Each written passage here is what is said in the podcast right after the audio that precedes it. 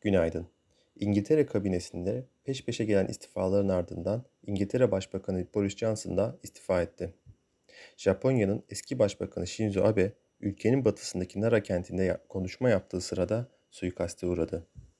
BDDK, şirketlerin TR kredi kullanımını nakdi yabancı para pozisyonuna göre düzenleyen kararına dair kolaylaştırıcı bazı düzenlemelere gitti. TCMM brüt rezervleri 1 Temmuz haftasında geçen haftaki 908 milyon dolarlık artıştan sonra 994 milyon dolarlık düşüşle 100,9 milyar dolara geriledi.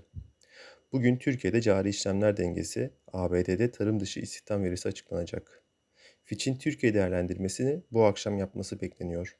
Bu sabah Asya endeksleri alıcılı, ABD vadeleri satıcılı işlem görüyor. Borsa İstanbul'un yatay başlamasını öngörüyoruz. İyi günler.